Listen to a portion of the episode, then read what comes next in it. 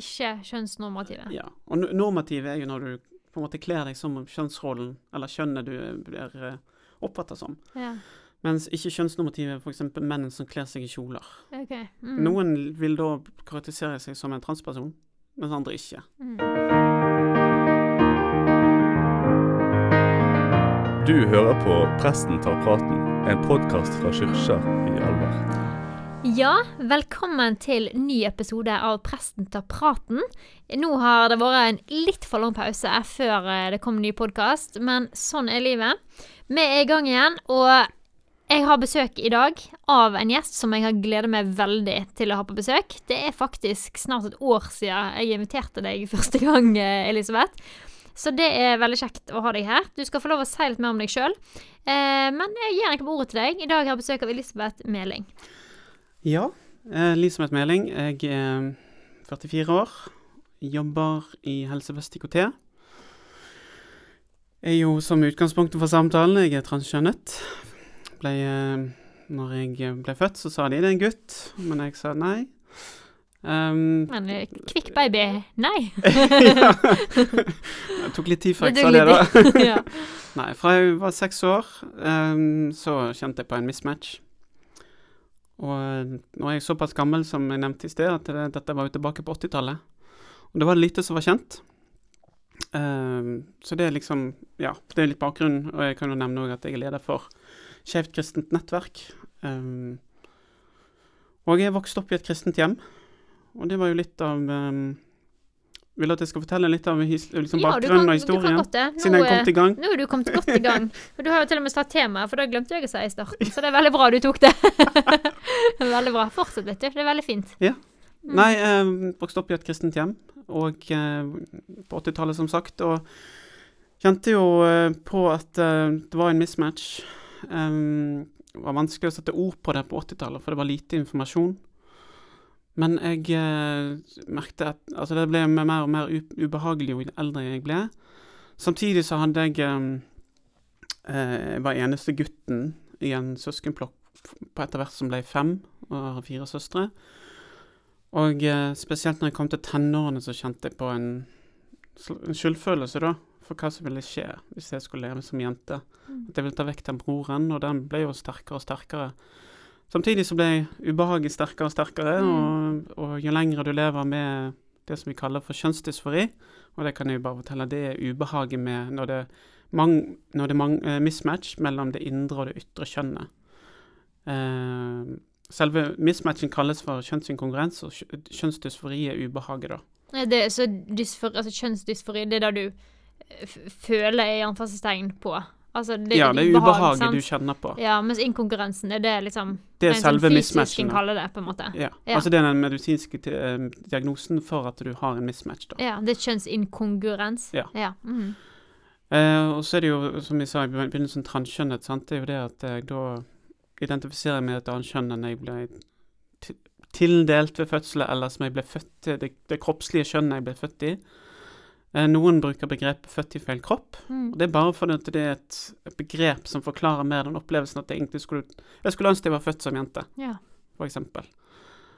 Eh, og levde um, som gutt og vokste opp i tenårene, og spesielt i puberteten, så var det veldig ubehagelig. Og eh, kom inn i eh, 20-årene. Og så nå, I tillegg på den tiden så var det jo veldig ukjent. Um, jeg trodde jeg var den eneste som kjente på dette her. Det var først når jeg var 13 at jeg leste en historie om ei ane som òg var transkjønnet. Um, men um, kjente samtidig på en sånn Opplevde en, en del forkynnelse som var veldig ute etter å Eller som definerte de av oss som var transkjønnet eller transperson, eh, som, eh, som urene. Altså forkynnelse i ei kirke eller Ja, menighet. Eller på ja, Mm. mange forskjellige plasser. Mm. Og der det var liksom snakk om at hvis du det, jeg, jeg hadde bare ikke opplevd Jesus nok. Nei. At det var derfor Ja. du kjente på dette, Ja. eller den Ja. Og at jeg var ødelagt. Noe hadde blitt ødelagt i mitt liv, eller når jeg ble født, eller hva det var. Men hvis jeg bare opplevde det når jeg fikk en opplevelse med Jesus, så ville det fikse seg. ja. Hva tenker gjorde det med deg å høre dette, når du hadde alt det andre som du kjempa med sjøl, holdt jeg på å si, og kjente på? Nei, det var jo et uh, vedvarende Et vedvarende press fra det indre og det ytre. Og det skaper jo uh, Det indre ubehaget som kjønnsdysfori førte med seg, var ekstremt sterkt. Og eh, jeg har ofte tatt, brukt veldig sterke ord og sagt at det var et sant helvete. Mm. Og det, det får bare ikke lenger noe imellom at det var det. Eh, og når man da i tillegg får disse ordene og kommentarene utenom, og hører at samfunnet ellers omtaler de av oss som er trans som freaks, Mm. ekle, så har man ikke lyst til å være det. Um, så da er det jo, var det jo om å gjøre å bare fortrenge alt og gjøre det meste jeg kunne for å være den mest heterofile mannen ever. Mm. Um, alltid vært tiltrukket av kvinner og gifte meg etter hvert. Ja, du gifta deg etter hvert, sa Ja. du. Mm. Og tenkte at det ville fikse meg. Gjorde det? Nei. Nei. på lang, på lang Mer eller mindre så tok det vel å stadfeste. Ja. Um, Hvor, kan du gå den utdype litt både det der hva, hva var det ubehaget? Hva som gjorde at det var et rent helvete? For oss som Ja. Det er vanskelig å forklare, da, men Mm. eh, kanskje det at det, er som um, Det er et konstant Altså, jeg sa til noen en gang, og det, dette er vanskelig å forklare i ord, men du kan tenke deg sånn at hvis du Når du har f.eks. influensa, og du er veldig sjuk Altså Det å være sjuk er en ting, men i til- tillegg så har du et sånt, veldig sånn ubehag i kroppen. Du føler at alt virker, sant. Og du føler deg liksom nedfor. Altså, det, det er ubehag i kroppen, da. Det ganger 100 000. Mm. Eh, og så har jeg sagt, eh, liksom, når folk har spurt meg hvordan det var liksom å endelig kunne være meg sjøl, så sa jeg det er liksom som å ha sittet i en som i en bil i, Jeg har vært bilsjuk i 40 år og kommet ut i frisk luft og endelig ta ut den derre Ja. Så det, det er veldig sånn forskjell, og det, og det det er litt vanskelig å sette ord på hva ubehaget, da. Men det, det, Ja, men det er en grunn grunn til at vi eh, tar det valget, for å si det Ja, sånn. det Ja. ja for hvordan Ja, du kan jo få fortsette historien din, for så vidt. Du var At du ble gift. Ja. Mm. Eh, det var vel det at jeg eh, Både når jeg var, vokste opp med mine søstre og når jeg gifta meg, så på en måte levde jeg litt mer gjennom de. Mm. Eh, Måten de eh, kledde seg, eller hva de gjorde. Ehm, og at jeg skulle ønske at jeg kunne vært i deres situasjon. Eh, og med min eks så Hun merkte alltid at det var noe. Men uh, det var liksom Jeg tenkte nei, nei, jeg må bare fortrenge det. Jeg må bare fortelle meg sjøl at dette her er bare tull. Jeg er mann. Uh, og så tenkte jeg ja, ja, hvis jeg hater den delen av meg, så hjelper det sikkert. Men det hjelper ikke så veldig godt å hate den virkelige seg. Eh, så det kom jo til et punkt der alt bare smalt. Ja. Og uh, mange år med fortrengte følelser og tanker bare kom til overflaten, og måtte bare forholde meg til det. Um, og eh, følte på det tidspunktet at jeg levde som en Jeg så livet fra utsiden. Så jeg observerte liksom hva jeg gjorde, men jeg følte at jeg bare var veldig sånn utenfor kroppen. da. Og den perioden der etter at det skjedde, to uker um, som jeg på en måte Før jeg kom ut med, til min eks, da. Men i de to ukene, for eksempel, så spiste jeg nesten ikke, gikk ned fem kilo. Um, kjente generelt sett på en sånn veldig sånn på en måte vask, og bare Ubehaget hadde på en måte blitt veldig mye tydeligere i kroppen òg.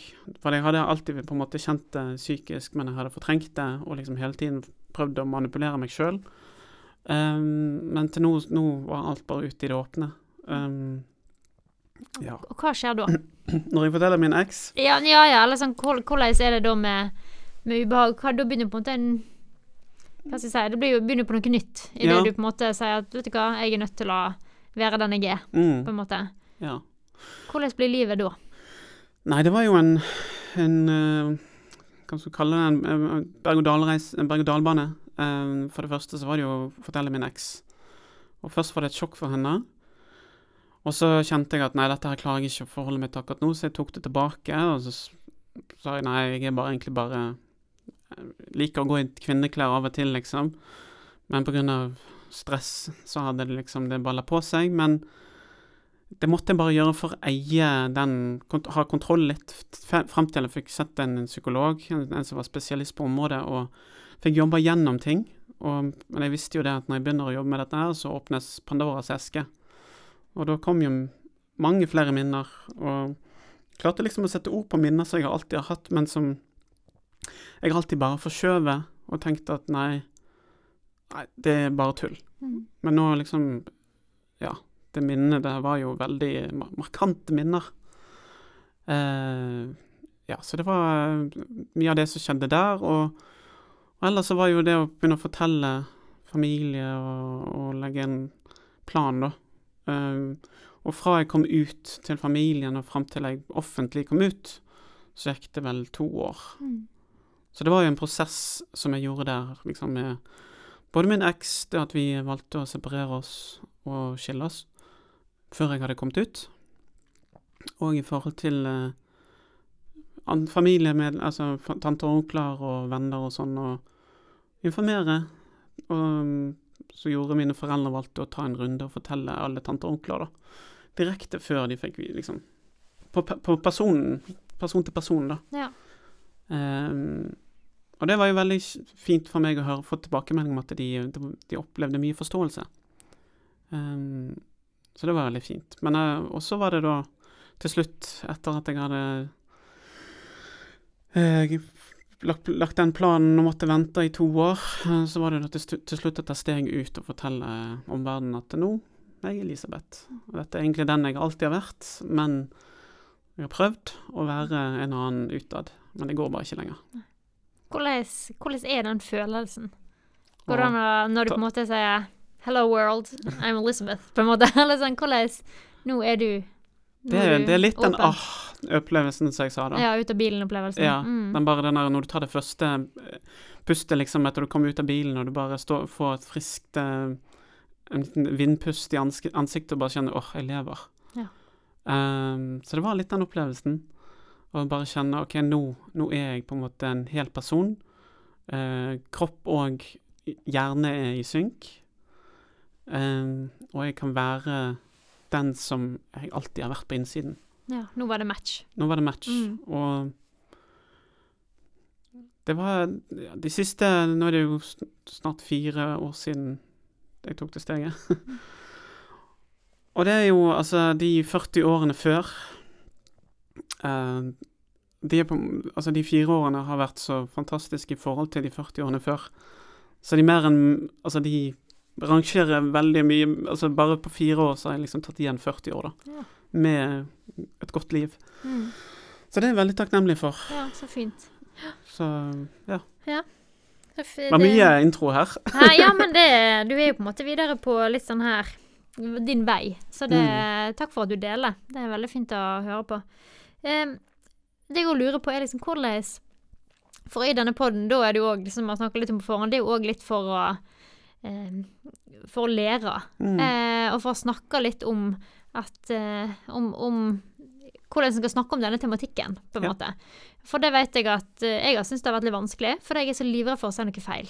Eller for å gjøre noe, si noe sårende eller noe dumt eller sånn. Og det vet jeg at det er flere òg som, som syns det er vanskelig. Eh, men da tenker jeg at når ting er vanskelig, så må en i hvert fall snakke om det. Eh, hvis ikke kommer en jo ingen vei. Eh, så det er, liksom av det, eller, det er jo en av grunnene til at jeg veldig gjerne ville ha denne praten. Og jeg er glad for at du har sagt at her, jeg har lov å, lov å spørre alle spørsmål. Eh, og så det er kanskje et av Det spørsmålet er på en måte hvordan, hvordan har møtet med folk vært for deg? Etter du jeg vet ikke hva begrepet som bruker å komme ut som Elisabeth, eller hva 'embrace yourself'? Jeg vet ikke hva, hva Ja. ja. Ja, det var veldig litt å komme ut. Altså, Mm. Det jeg opplevde Opplevde veldig stor forståelse blant eh, familie og eh, Så var det jo altså Blant nærmeste familie så måtte de gå en reise sjøl Ja. å på en måte oppleve at mine søstre, deres eneste bror, som de hadde De syntes var stas å ha.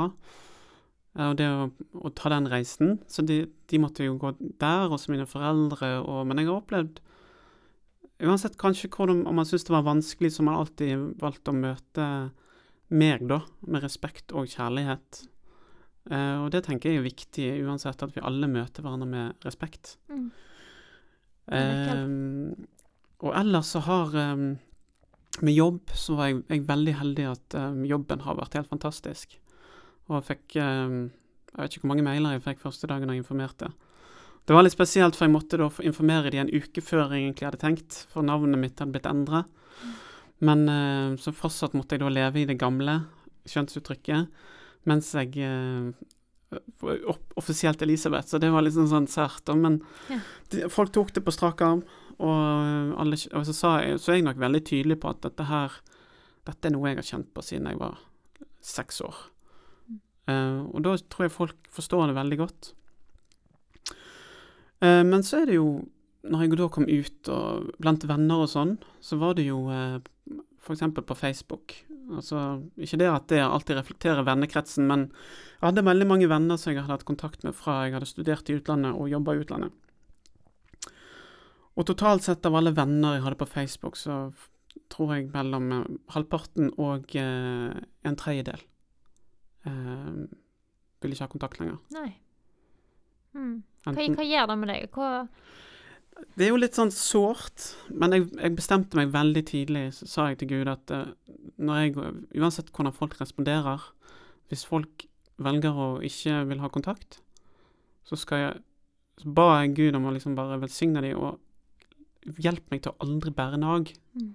For jeg vil ikke leve livet mitt med å liksom å ha det, den bagasjen med. Jeg har lagt fra meg den bagasjen jeg hadde. Jeg vil ikke ha en ny. mm. Ehm, så det har vært litt sånn viktig for min del, da. Det, det er litt uh, viktig bare for min egen del at jeg har det bra, liksom. Ja. Uh, så det var jo litt trist at noen, noen fine folk ikke klarte å helt å se det store bildet. Og så um, er de velkommen til å ta kontakt. Jeg er ikke, noen, jeg er ikke en som Eller ei som, som må holde folk på avstand hvis de ønsker å ta kontakt, liksom. Ja, det er fint. Det er jo en raus holdning. Og nå, ja, det kan vi komme Ja. Mm. Eh, nei, du nevner dette her med Gud, og du er jo, du er jo kristen. Mm. Har det vært Jeg vet ikke om det det er et stort spørsmål, sikkert, men, men gudsrelasjonen din i dette her Ja. Um, det var faktisk et møte med Jesus som gjorde at jeg klarte å akseptere meg sjøl. Ja. for uh, ja, det Jeg klarer ikke helt å huske alle årene her. Det går Tida går så fort. Går fort. Jeg tror det var seks år siden. Ehm, så var det på høsten jeg satt og Da, jeg, da, da var det gått eh, nesten et år siden jeg fortalte første gang til eksen. Og så hadde jeg tatt det tilbake igjen, og så, så, så jobba jeg med det. Og så um, kjente jeg at dette var så vanskelig, og jeg hadde jo studert Bibelen i mange år, og hadde jo kommet fram til at Bibelen ikke fordømmer likekjønnede forhold. Det var jeg klar på. Samtidig så Og så tenkte jeg jeg klarer ikke helt å se at Bibelen fordømmer det å være født i feil kropp, hvis vi kan bruke det begrepet. Um,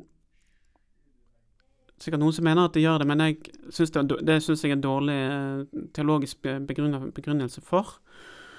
Uh, men så Og så satt jeg der og så hørte på en lovsang, og så hadde jeg Det hadde gått over en tid, så hadde på en måte Gud nok jobba med meg, da. Og lagt ned i meg en forståelse av at det, det som jeg bar på, det hadde jeg ikke, trengte jeg ikke bære på lenger. Og da bar jeg på mange år med, med depresjon og angst og kjønnsdysfori. Og opplevelser, altså vonde ord som jeg hadde hørt fra andre som hadde omtalt transpersoner eller transkjønnede, og som ikke visste at jeg var det. Eh, som da liksom sagt freaks og alt dette her. Alt det bar jeg på, da. Så det var en sånn veldig tung ryggsekk. Og så bare bar jeg der da at eh, et, en inderlig bønn om at Jesus bare måtte ta den, det som han gjorde på korset, at han bare, det måtte være virkelig i mitt liv i forhold til dette.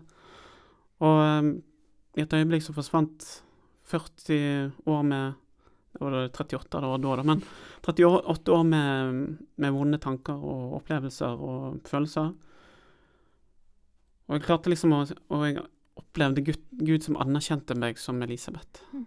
Um, så det var egentlig en, det var liksom et livsforvandlende øyeblikk der jeg klarte å anerkjenne meg sjøl Mm. som, som Elisabeth. Mm. For jeg slet veldig med å akseptere det før det. Så det har vært viktig, og troen er veldig viktig i livet mitt. Jeg, jeg kjenner at jeg er veldig takknemlig til Gud for at han både bar meg igjen med de tunge dagene, men at han har vist meg sin trofasthet både før og etter. Mm. Fint. Mm. Veldig fint. Du nevner jo her òg at du Du nevner at du var seks år og, og Mm. sånn. Em, Veit vi noe om det, sånn forskningsbasert? Går det an å si noe om hvor tidlig, eller liksom hvor mange som kjenner på kjønnsdysfori og kjønnsinkongruens? Eh, og eventuelt hvor tidlig, og hva er det på en måte har du, Fins det noen prosent, eller noen tall? Jeg vet du er litt glad i ja. Glad i detaljer. Ja. Nei, altså det er rent sånn prosentmessig i forhold til hvor mange som kanskje er i min situasjon og opplever kjønnsinkongruens, så tror Altså sjenerøse estimater er vel på 1,5% kanskje til 2 På de av oss som er i den begrepet født i feil kropp, da. Ellers rent Altså så er det de som i en, i en, på en måte en større paraplybegruppe da, så har jo de som på en måte Du har transpersoner som er en større gruppe, som omtaler pers personer som både har kjønnsinkohérens, kanskje personer som definerer seg som ikke-binære. Og, Og da liksom- må du da, ja, ja. ikke-binær, da Mm. Binær er jo da mot, altså mann og kvinne, binære, og som ikke-binær, da opplever seg kanskje at man passer imellom de to, da. Mm, At det, ikke, du, det er liksom verken mann eller kvinne. Ja. Men er det da en gjerne bruker begrepet hen? Ofte det, ja. Ja. Så er det mm. noen som nytter at er noen for- foretrekker de. mm. Men det er òg en gruppe i den transpersonparaplyen, og så har du da de som har kjønnsinkongruens, som, eller kanskje ofte, jeg, som jeg ofte bruker meg sjøl, som transkjønnet. Og så har du Så er det det som på en måte er transpersoner, så er det noen som eh, kaller seg eh, Hva var det Å, nå datt ut det som det kjønns... Eh, ikke kjønnsnormative. Ikke kjønnsnormative. Ja, og normative er jo når du på en måte kler deg som kjønnsrollen, eller kjønnet du blir oppfatta oppfattet som. Ja. Mens ikke kjønnsnormative er f.eks. menn som kler seg i kjoler. Okay. Mm. Noen vil da karakterisere seg som en transperson, mens andre ikke. Mm. Så det er litt sånn, glidende der og da. Så det er liksom to, en in, Transkjønnede er på en måte en gruppe innenfor den transpersonparaplyen. Okay. Mm. Så det er ikke alle transpersoner som opplever det samme, men den transpersonparaplyen er vel kanskje er vel ti- tippe toppen 4% Ja. Av, av menneskene på kloden, Ja, på en måte. Så det er en liten gruppe. mm. Minoritet. Det er en minoritet. Ja. Og hvordan eh, Hva skal jeg si Hvordan er det å være en minoritet? Hvordan, nå, eh, nå, men Du snakket jo litt om det i stad, men det er jo ikke veldig mange dagene siden det var en debatt på NRK her eh, som var om Den heter vel Hun, han og hen, eller et eller annet til den, du. Ja. Der det var Der det blant annet var eh, noen transkjønna Mm. eh, som var, og der det var Så var det en debatt, da, som etter hvert må vel da ble en litt stygg debatt. Ja, eh, der en var ufin, og, og der da jeg bevisst kalte en Mm. transkvinne, for å bruke det begrepet, for du er en mann, sa Mm. hun vel. Eh, hvorfor gjør folk sånn? Det er et godt spørsmål. Altså, jeg tror det er forskjellige grupper her. Altså, Sjøl som kristen så vet jeg jo at det er mange kristne som gjør det fordi at de mener at jeg synder mot skaperverket. Sant? At de må De er bundet av Bibelen til, til å omtale meg som en mann, Ja. for eksempel. Ehm, mens andre som ikke er det, de er redd for at ja, Det er en eller annen argumentasjon om at det, det at jeg sier at jeg er kvinne, at det er diskriminerende mot andre kvinner. Jeg vet, jeg klarer ikke helt å se hvorfor. For det at jeg Altså, vi er, vi er en minoritet uansett. Mm. Eh, jeg er en minoritet i kvinnegruppen. Eh, og eh, transmenn, eller menn som er trans, er en minoritet i, i, blant menn. Så det er jo liksom og, Så jeg klarer ikke helt å se Men det som jeg ofte opplever der, er kanskje òg at hvis de av oss som er òg har en er LHB, LHB blant den transgruppen. Mm, og hva består da L... Ja, Altså, altså, lesbisk, homofil eller bifil. sant? ja, som er òg er transkjønna. Ja, som for eksempel meg, da, som er lesbisk. Mm. Jeg vet jo at flere ikke vil anerkjenne meg som det. Som Fordi- lesbisk. Nei, fordi at jeg er født i en guttekropp, er egentlig bare en veldig feminin mann, Ja. som er Mm. heterofil mann. Uh, og det Jeg vet ikke helt hvorfor man skal være så vrang på det. Og hva man, Mm.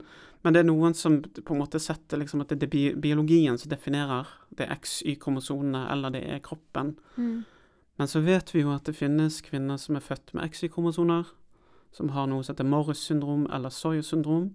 Og det finnes menn med XX-kromosoner som har noe som heter Deschapelle syndrom. De har kjønnsorganer i forhold til det kjønnet som de er tildelt, men de har et kromoson, kromosoner som tilsvarer et annet kjønn. Ja. Så det er altså så det er liksom ikke så enkelt så de skal ha det ting, til. ting er ikke så svart-hvitt som en kanskje har Nei. forholdt seg til tidligere, på en måte. Og ja, at det er um, Ja. Men um, er dette viktig å snakke om? Ja, på, på, det er viktig, og så tror jeg det er viktig at man har det i en respektabel setting og tone. Uh, for jeg eh, kan godt snakke med folk om hvorfor de syns det er vanskelig, f.eks., å anerkjenne meg som kvinne.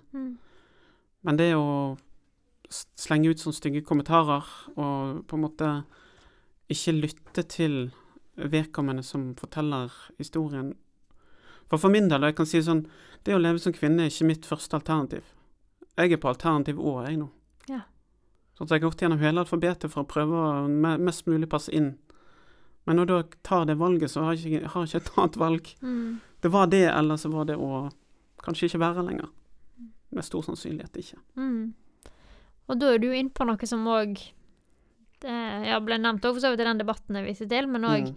Og dette her med hun på ikke 30 av transkjønner som enten har forsøkt å ta livet sitt, eller i hvert fall Ja. er suicidale eller har tanke om det. Mm. det. Det er jo en skremmende statistikk. Ja.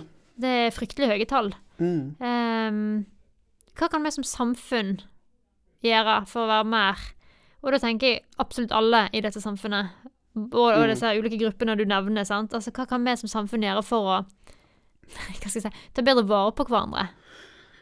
Jeg, jeg tenker, det som er viktig her, da, liksom at vi er alle Altså, vi, uansett hvor vi kommer fra, så lever vi livet vårt ut fra vårt ståsted.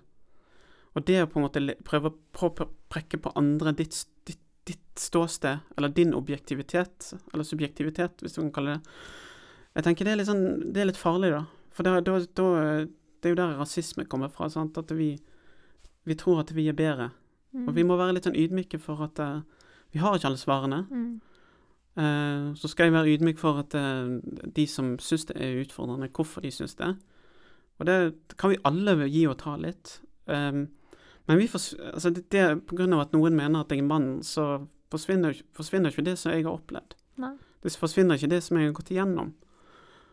Uh, så da hadde det vært fint om disse personene kunne vært litt mer imøtekommende og faktisk lytte til historiene. Får opplever du at det er mange som bare putter deg i båsen mann, og så vil ikke de snakke med deg mer om hva du egentlig Ja, Hva du har opplevd, annet. og hvem du er, liksom. Ja, eller det er så mange, og som jeg har kritisert en del kristne ledere for, er å bruke begreper som radikal kjønnsideologi, f.eks.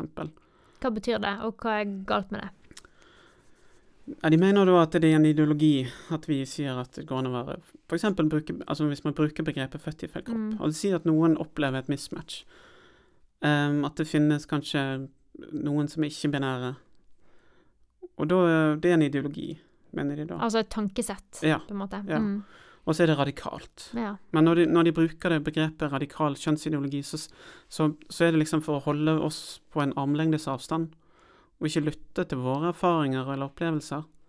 For det, det utfordrer nok å være trans. Mm. Og er liksom sånn når man da kommer med sine fordommer Og vi har alle fordommer, vi har alle, alle våre skyggelapper.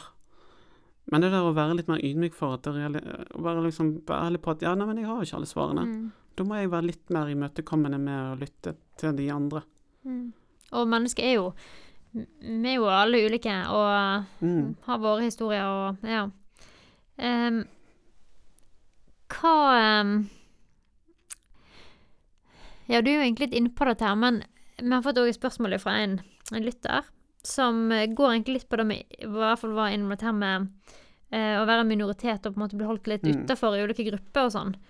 Eh, og da er det en, eh, en lytter som lurer på altså hvordan, hvordan takler den her, hvis jeg kan bruke diskrimineringsnavnet ifra grupper der en skulle tenke at du kunne være trygg. Eksempel at dette her at noen eh, i LHBT-miljøet eksempel Mm. tenker at du kanskje du er ikke lesbisk, på en måte.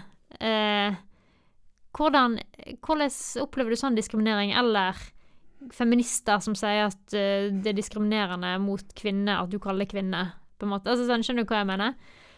Hvordan det oppleves at Ja. de gjør det. Eller hvordan takler den diskrimineringen? Altså for meg, for min del, så, så preller det av, da. Ja. Altså jeg, eh, jeg sier til folk at eh, Gud har velsigna meg med hard hud, hard hud. Så for meg så jeg, jeg, jeg bare ler litt av det, jeg. Ja. Men jeg, jeg tenker mer på de yngre, de som ikke har den tryggheten. Og hadde det vært for meg for 20 år siden, så hadde jeg iallfall ikke hatt den tryggheten. Nei. Og da hadde det vært tungt. Ja. Så, og det er jo litt av min, min jobb som leder for Skjevt kristent nettverk, f.eks. Å ta, ta kampen der, der det er nødvendig. Og så er det litt tilfeldig at den, led, den som er leder for Skjevt kristent nettverk nå, er tilfeldigvis også trans. Men uansett, da, tror jeg det er viktig å, ta, å stå opp for det. Mm. Ehm, men personlig så, så treffer det meg ikke så Det går ikke så veldig inn på meg, da. Nei. Men jeg kjenner nok mer vondt for de yngre. Mm. For nå har jeg begynt litt på spørsmål fra, fra folk her, og, Ja. og da er du litt innpå noe som det kom spørsmål om. Hvordan kan kirka skape trygghet for transkjønna i menigheten? Eh, godt spørsmål. Mm. Nei, altså jeg tror det er viktig å, å kanskje ta, snakke om temaet sånn som du gjør her nå. Sant? Mm. Eh, Det at presten tar den praten. Og at Ja. kanskje prester, kirke, menighetsledere tar Står opp for de av oss som er trans, både i menigheten og sier at her alle Altså tydeliggjør at vi ønsker alle velkommen. Og kanskje det òg å, å være lyttende og komme, komme transpersoner i møte. Og liksom Hvordan opplever du det? ja. Um, For, for, for da er neste spørsmål da um, For det, det er lov, sant? Å stille Mm. spørsmål. Hvordan er Ja. det egentlig for deg, uten at en lager en stor sak ut av det, så hvordan er det for deg å være i denne menigheten? Hva kan Mm. vi gjøre annerledes for at du skal føle deg mer velkommen? Ja. Mm. Jeg tenker sånn også, og, og, eh, og ellers i forhold til eh, og, og det er på en måte Om man syns det er vanskelig med pronomen, Mm. for det er noen som syns det. Mm. Og pronomen, da snakker vi jo da om han, ho, hen. Ja, eller, ja Mm. for min del, sant, å, omtale meg med hun. Mm. Det er jo noen som glemmer seg av og til, men det gjør de jo ikke. De velger jo ikke det, da. Mm. Jeg tenker Hvis det er noen som syns det er vanskelig å omtale den personen med det pronomen som den personen foretrekker, for det er litt, faktisk litt viktig for mange, men da, da tenker jeg og, og man er redd for å bruke det på pronomen pga. det man tenker at det er du galt i forhold til Bibelen, sånn, sånn. så bare Men kanskje bare lytt til den personen. Og, og hva du tenker om det, egentlig skal være litt frekk å si, det er litt irrelevant. Ja. Det er hvordan den personen har det, som er viktig. Mm. Det handler om den respekten og den Ja, den kjærligheten respekten, igjen. sant? Nestekjærligheten og Og for no, hvis, jeg, person, en, hvis, hvis jeg sier deg nei, jeg skal kalle deg for han, mm. og så liksom Nå er det et veldig søkt uh, sitt, Jo, jo, eh, men det er jo på en måte Ja. ja. Men hvis men liksom du sier nei, det er hun.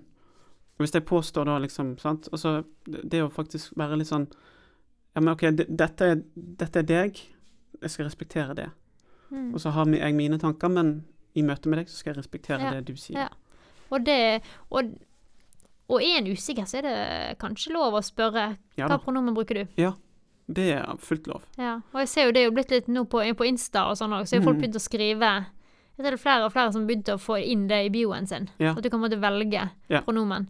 Og det tenker jeg er jo er fint. Og nå er jo Mm. hen blitt Ser ut til å komme inn i norske ordbøker og Ja. ehm, og det tenker jeg vil jo kanskje gjøre oss litt mer bevisst på òg, at okay, folk har bruker ulike pronomen. Og ikke, er det ikke bedre å spørre en gang? Og, bare, ja. så, og jeg tenker, jeg merker jo Hadde du spurt meg bruker du han eller hun eller hen, eller Mm. Jeg vil jo I 99% så er jo det, kommer det fra en god plass. Ja. Sant? Ifra Og da og da vet en det, da, og så bruker en de pronomene som Ja. vedkommende ønsker. Og så kan vi bare si det om pronomen at at det er litt sånn Det er en viktig faktor for mange for, for velvære. For det er liksom måten samfunnet respekt, viser respekten for hvem du er. Og hvis du da liksom ikke respekterer pronomen så, til den vedkommende ehm, Om man glemmer seg, så er det en annen sak, men, sant, men man på, bare bestemmer seg for å ikke respektere det, sant, så det jo det, viser det jo litt om at du ikke ser den personen for den personen det den personen er, Mm. og den, den personen er. Ja. det var vanskelig å si. Ja, ja, men eh, poenget kom fram. Mm, Ja. ja. men det er veldig fint. Um, ja, og da er vi egentlig òg litt inn på et annet spørsmål fra en lytter her, som, eh, som tydeligvis jobber i skolen, Ja. som sier hva er det viktigste vi som jobber i skolen kan gjøre i møte med unger som er usikre på egen kjønnsidentitet? Det er å være lyttende, og ikke på en måte Jeg tror det, det er veldig viktig Altså det å være usikker på kjønnsidentitet, og da, da er jo spørsmålet hvorfor er man det? Ehm, det ville Altså de som er De få, den, den prosenten for eksempel som, kanskje opplever å være født i feil kropp, har nok en sterk opplevelse av det. Og da tenker jeg at um, hvis man er noen, som er usikre, så, så liksom ja, hvorfor tror du, eller hva opplever du? Så tenker jeg det, det, det, det å være lyttende og faktisk ta personen på alvor, mer enn å si nei, men dette er noe som går over, eller sånt. Altså, det er ikke alle som er like gode til å ordlegge seg og forklare hva de opplever. Mm. Så det er jo Det å være, å oppleve mismatch, eksempel. Jeg hadde ikke ord for å forklare det når jeg var seks år på 80-tallet. Nei. Hadde kanskje hatt det i dag, da, siden det er litt mer kjent. Og så er det vel kanskje også liksom hva, hva ligger den Altså en usikkerhet sånn, Så snakker du ofte om guttejente eller mm. feminin gutt eller Ja. maskulin. Altså sånn type begrep en liksom bruker for å forklare. Um, Mm. eller sette ord på ting, jeg vet ikke helt. Men så er det jo, har du på en måte da, men så har du jo òg noen som på en måte Sånn som du nevner, som går med gutter som går med jenteklær, eller eller som sier veldig sånn Nei, du, ikke kall meg, ikke kall meg jente, kall meg gutt. på en Ja. måte. Eller sånn ifra kanskje tidlig alder. Mm. Um, så det er jo òg sikkert litt sånn ulikt hvordan en skal møte ut ifra hva det, det barnet sjøl opplever. Og så kan Altså, det er vel ikke alle som ifra de er fem-seks år, som kanskje sier 'nei, da vil jeg være gutt', eller Altså, det er vel ikke alle som eh, endrer kjønn.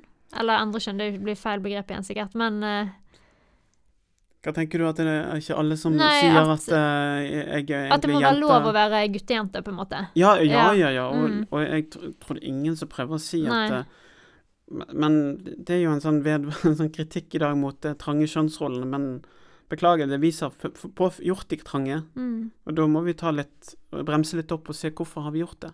Hva er, hva er det forventningen vi legger ned i hvert enkelt, i mann, kvinne, kjønnet? Altså, for min del så er det jo Jeg ønsker jo å passe inn som kvinne, sant. Så Men Men en person som er mann, som har feminine trekk, som ønsker å sminke seg og være Gå i kjoler eh, Den personen er jo det Er jo fortsatt mann. Sant? Og, det, og jeg tenker det det, det det er mange begreper som ofte blandes i den store debatten her. Og, og det å si at en feminin mann og en transkjønnet kvinne er det samme, er jo ikke det. Nei, det er jo to ganske forskjellige ting. Ja. Mm. Og det, selv om og noen definerer meg som en feminin mann, ja. men det hadde, Det- funger, det hadde var jo ikke Det har aldri vært det. Nei. Mm. Sånn, så Så jeg tror bare at eh, vi må kanskje være litt avslappa. Altså, vi må hjelpe alle til å Hvis vi, er, hvis vi kritiserer trange kjønnsnormer, så må vi være med og, og åpne de opp sjøl. Ja, Nei, det er et viktig poeng. Mm. Ja. Ehm, så er det noen som lurer på uh, Som ikke se hvor vi kom. Det er noen som lurer på hvordan er prosessen for å skifte kjønn. Og da kan jeg kanskje si Er det egentlig en, altså litt, For nå sa jo jeg det i stad, andre kjønn og skifte kjønn. Er det egentlig noe en egentlig ikke skal si òg? Å skifte kjønn. Ja. Noen, noen Altså, det kommer an på hvor gammel du er. ja. Nei, for, altså, noen liker å si kjønnskorrigerende kirurgi. det, er det liksom korrekte Ja, begrepet? det er vel det vi kaller i dag. OK, kjønnskorrigerende kirurgi. Ja, for Ja. Det, du, du, liksom ikke, du skal ikke bytte kjønn, men du skal, ønske, du skal liksom korrigere kjønnet til det du kjønner det, det er. Ja, sant. Mm. Uh, og da er det jo i forhold til uh, kroppslig. Mm. Kirurgi. Men det, det, det er det så- jeg snakker om, ja. Ja. Mm. Men så er det ikke alle som, som vil gå den prosessen. Nei. Og det, det er opp til hver enkelt. Og, og det er liksom Men så er det noen som er veldig på at ja, skal du defineres som kvinne, så må du gå gjennom hele prosessen. Og liksom fysisk operere, Ja. operasjon, liksom. Ja. Det er òg noe som brukes som en definisjon. Ja, det, Ja. ja. Uh, og det var det det opprinnelig var, da. OK. Mm. noen som kjører veldig hardt på det. Ja. Du må, du må det.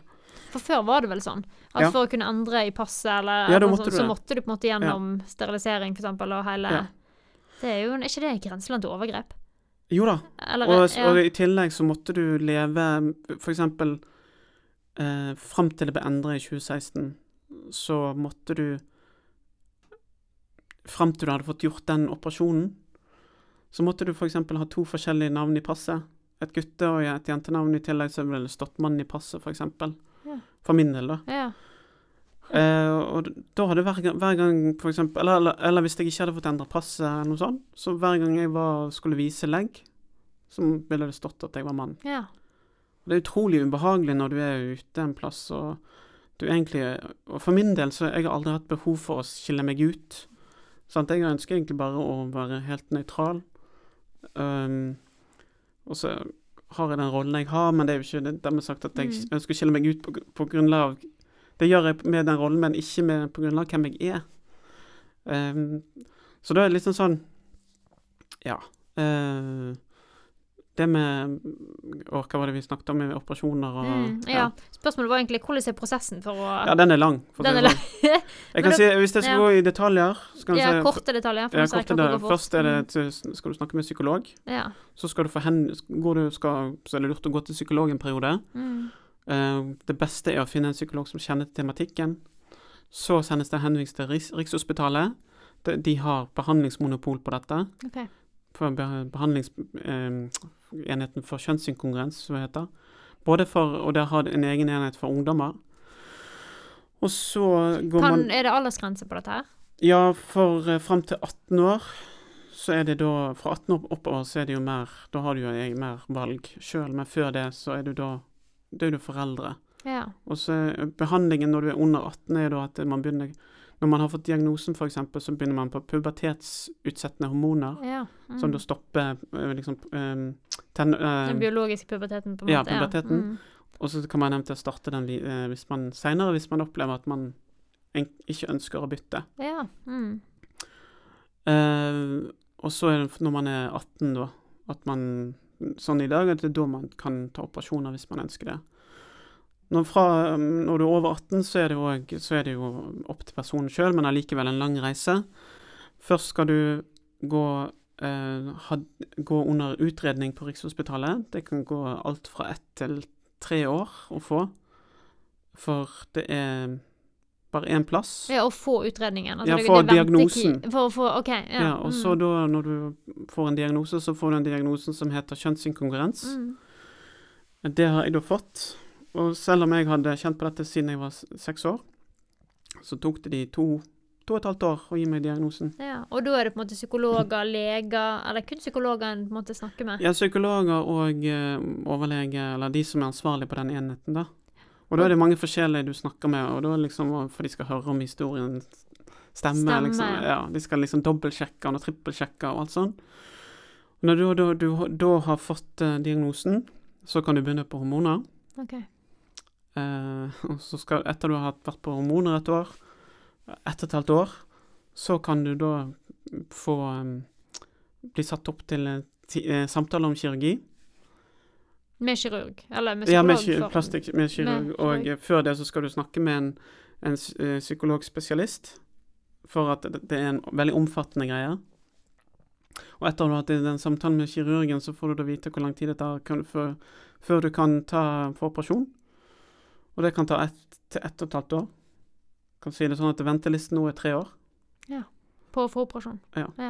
Så fra man begynner Mm. prosessen, så kan det ta alt fra to til seks år. Så det er, Så det er ikke en, det er ikke en kjapp prosess. Nei. Og det liksom, det, maler seg ofte et bilde av at det liksom folk som opererer seg og på en måte det skjer så over en lav sko. Det gjør det ikke. Det er noen som velger å gå privat på ting. Ehm, og da opplever de kanskje at det, det går for treigt på Rikshospitalet. Så det som egentlig egentlig for, for det er jo på en måte kritikken her at folk bare skifter kjønn i hytt og pine omtrent, sånn.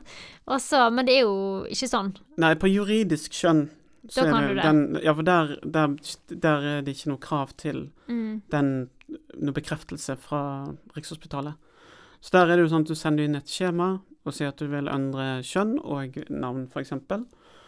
Og så får du da eh, et, et skjema tilbake der du skal bekrefte om dette fortsatt gjelder. Og så sender du det, hvis du fortsatt skal ha det. Og så går det sin vante gang, og så kommer det etter hvert i eh, skatteetaten nytt personnummer, nytt navn. Og det er første starten på papirmølla. Så må du da endre alle ID-dokumentene, Ja. Pass, sertifikat, Mm. bank. Altså det, tar, det er mye å gå igjennom, Ja. så det, det, er ikke en, det er ikke en enkel prosess. Det er ikke noe du gjør på gøy. Nei, de, de gjør liksom ikke det. Nei. nei. Og det er det som fra kanskje den, den endringen på juridisk kjønn som får til en del kritikk, da, at det er så enkelt å skifte kjønn. Ja, for de sier liksom det er bare å bytte kjønn i passet. Ja, Altså ja det, da er du juridisk. mm, Det er jo det jeg snakker om, Ja. da. Mm. Og, for, og for, for, for oss som faktisk det gjelder, så er dette veldig viktig. Og hvis det er noen som på en måte bytter fram og tilbake, eller noe sånt, så, så er det noe som vi må ta tak i og finne ut hvorfor det skjer. Ja. For det er jo òg Når jeg spør her om Nå har vi snakket om prosessen, det er veldig, det er veldig interessant å, å mm. høre. Og jeg tenker det er òg et viktig bidrag inn på temaet. På en mm. måte At det er ikke Og at en blir liksom En blir jo fulgt opp, og det er sikkert viktig på mange måter. Ja. At en har noen å snakke med, og For det er vel Ja, og det er et krav fra Rikshospitalet òg at du har jevne dialog med en psykolog. Ja. Sånn at du eh, hele tiden skal følges opp på ting, da. Mm. Og, men er det òg etterpå?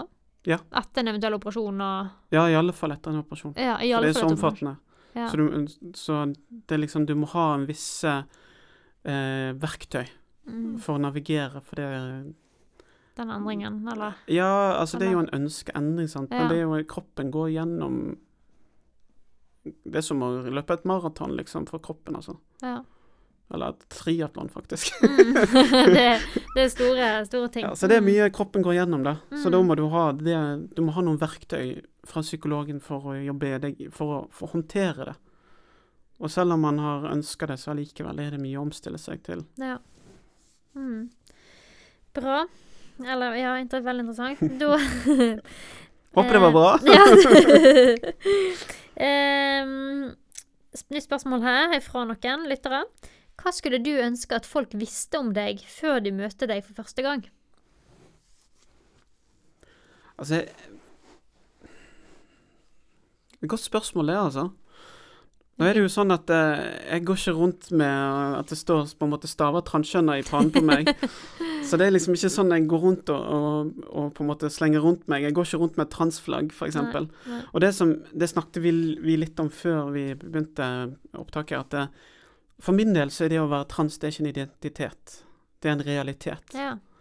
For min del så er det det å være kvinne som er min identitet. Mm. Og så er det noen som synes det ønsker å identifisere seg som transkvinne eller transmann, eller som transpersoner. det er deres identitet, i tillegg til å på en måte identifisere seg som mann eller kvinne. Og det skal de få lov til, det skal jeg ikke ta bort fra dem. Um, men for min del, da, så er det Og da Så, så for Egentlig så ønsker jeg bare å bli møtt som Elisabeth. Mm. Det er egentlig bare Det det. er det jeg trenger- folk trenger vite. Jeg skal Ja. møte Elisabeth. Ja. ja. Og det var et langt svar til et lite kort spørsmål. men, eh, jo, jo, men det, det er fint, det. Eh, og så er det noen som lurer på hva inspirerer deg? Det er jo egentlig et veldig åpent spørsmål. Jeg synes det er et fint spørsmål. Ja. Nei, altså jeg inspireres vel um, Et godt spørsmål, altså. Ikke ofte jeg tenker på det. Nei, men jeg, jeg begynte å tenke på men jeg tror nok jeg inspireres av uh, jeg kan fortelle, bare, Det høres sikkert veldig sånn superåndelig ut, men jeg inspireres eh, Jesus inspirerer meg. Hvordan det? Måten han møtte folk på. Og møt, måten han har møtt meg på. Og ehm, jeg har aldri følt meg fordømt. Nei. Um, og jeg har alltid kjent på en kjærlighet fra Jesus. Så det er vel det som inspirerer meg, tror jeg. Og det er jo litt eh, Jeg kjenner at kanskje litt sånn kall i det jeg gjør. At Mm. Jesus har lagt et noe på hjertet om å være den som tar og står kanskje litt i stormen for de andre. Mm. det at Gud har gitt meg, Gud har gitt meg en hard hud, så da. Ja, ja, du bruker den. Ja. Ja, men det er jo eh, Jeg tenker du er jo Du er jo en veldig viktig stemme. Og jeg tenker det er både jeg og helt sikkert flere som ser opp til deg, som tenker at det Du har jo Både med din historie, men òg at du tar kampen, på en måte. Og så vet jo jeg òg at du er jo eh, meget belest, og du er jo en dyktig teolog òg. Det, ja. Ja, du, det må være lov å si, Hobbyteolog. Elisabeth. Hobbyteolog. jo da, men eh, Og det tenker jeg er Det gir jo deg òg en tyngde. Um, som Du er jo aktiv i kristenpressa, blant annet, og diskuterer litt. Men det, det koster jo sikkert å stå i de diskusjonene og, og sånn, og, og i hvert fall når det på en måte kanskje blir litt personlig av og til. Eh, men det, det er nok mange som er takknemlige for at du gjør det. Jo da, men det, det, sett, altså det, det gjør jeg med glede. Og jeg kan bare si, som jeg sa, jeg, Gud har gitt meg eh, hard hud. det er liksom Så jeg må bare være så Jeg er så takknemlig for at jeg er så trygg Altså den tryggheten jeg har i Kristus, da. Hvem jeg er i Kristus. Mm. Og det, det liksom Kjenner jeg litt på, på at det kommer med, kommer med et kall med det, til å stå, være det, den som står i gapet. Um, så det, det føler jeg som litt av som, ja, Og et privilegium, da. Få lov til å faktisk ta den kampen. Um, hadde ikke trodd at det skulle vært, være her, liksom. Mm. Men eh, Altså det kjenner jeg vel generelt på at uh, Hvorfor kan ikke vi respekt... Hvorfor kan ikke vi ta vare på hverandre? Mm. Og spesielt kanskje til kristne, da. Når Jesus har kalt oss til å elske hverandre. Og oss sjøl. Og jeg kan ikke elske min neste uten at jeg elsker meg sjøl, og det klarte jeg ikke på 40 år. Nei. Det gjør jeg nå. Det gjør du nå. Det er jeg veldig glad for, Elisabeth. Det er veldig fint. Jeg tror vi lar det være siste ord. Ja. Veldig fint å ha deg her, Elisabeth, og takk for at du har gjort meg, og kanskje også noen andre, litt klokere. Og så eh, kjekt. er det typisk at det kommer veldig mange spørsmål etterpå i mitt hode, så det skal jeg få stille til deg etterpå, og så får jeg kanskje Ja, så lærer jeg noe mer da òg. Men takk for at du eh, tok deg tid, og takk for alt du har delt og fortalt. Bare hyggelig. Så um, Og så kan jeg, jeg kan komme igjen hvis det er ønskelig. Ja, det kan godt hende det trengs. Nei, men fint. Takk for nå. Du hørte på Presten tar praten, en podkast fra kyrkja i Alver. På teknikk Øyvind Haugland og Anna Øvretveit Dyrkolbotn. Presten heter Tone Marit Øvretveit Dyrkolbotn. Følg oss gjerne på Instagram Presten tar praten.